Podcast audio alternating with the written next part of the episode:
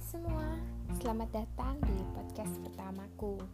Perkenalkan, nama aku Dia, salah satu mahasiswa jurusan Administrasi Negara Universitas Udayana. Dalam podcast pertamaku ini, aku akan membahas mengenai permasalahan yang ada di desa tetangga. Kenapa aku bilang desa tetangga? Karena desa ini bukan desa tempatku tinggal, melainkan desa yang masih satu kabupaten dengan desaku. Nah, Desa yang akan aku bahas adalah Desa Pebuahan, Kecamatan Negara, Kabupaten Jembrana. Jadi desa ini itu dulunya terkenal akan tempat wisata kuliner pesisir pantai. Hal ini dikarenakan dari ujung ke ujung desa merupakan warung lesehan yang menjual aneka olahan laut. Hampir 80% mata pencarian masyarakatnya berjualan ikan bakar dan olahan laut yang lain. Pebuahan ini cukup terkenal di kalangan masyarakat Jembrana karena biasanya setiap ada acara spesial akan diadakan di sini.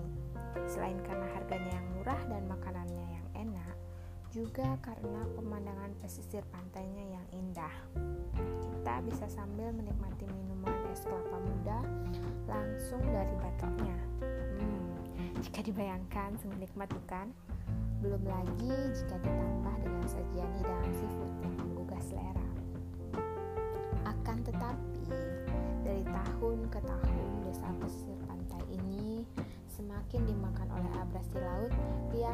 menyebabkan warung yang ada di pesisir juga ikut tergerus oleh ombak dan hancur.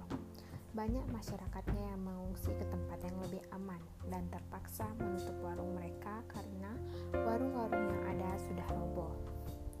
Masyarakat desa pun sudah secara sukarela memasang tanggul untuk menahan abrasi, tetapi tanggul ini tidak cukup berhasil untuk menahan besarnya gelombang.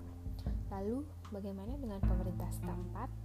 Sepertinya pemerintah setempat belum begitu serius dalam menangani permasalahan desa ini. Memang pemerintah sejak beberapa bulan ini memasang empat buah alat pencegah abrasi laut, seperti yang ada di daerah Buleleng akan tapi alat ini hanya dijadikan bahan percobaan saja. Masyarakat desa pun sudah mengusulkan penambahan pemasangan alat ini. Namun pemerintah setempat tidak kunjung menanggapi permintaan masyarakat desa. Dengan tidak beroperasinya warung-warung lesehan menyebabkan perekonomian masyarakat menjadi mati karena masyarakat sendiri bergantung pada penjualan warung lesehan tersebut. Semoga saja pemerintah cepat menanggapi permintaan masyarakat desa Pebuahan agar desa wisata kuliner pesisir pantai Pebuahan kembali beroperasi dan tentunya membantu menaikkan kembali perekonomian masyarakat setempat. Sekian podcast pertamaku. Terima kasih untuk teman-teman yang sudah bersedia mendengarkan podcastku ini.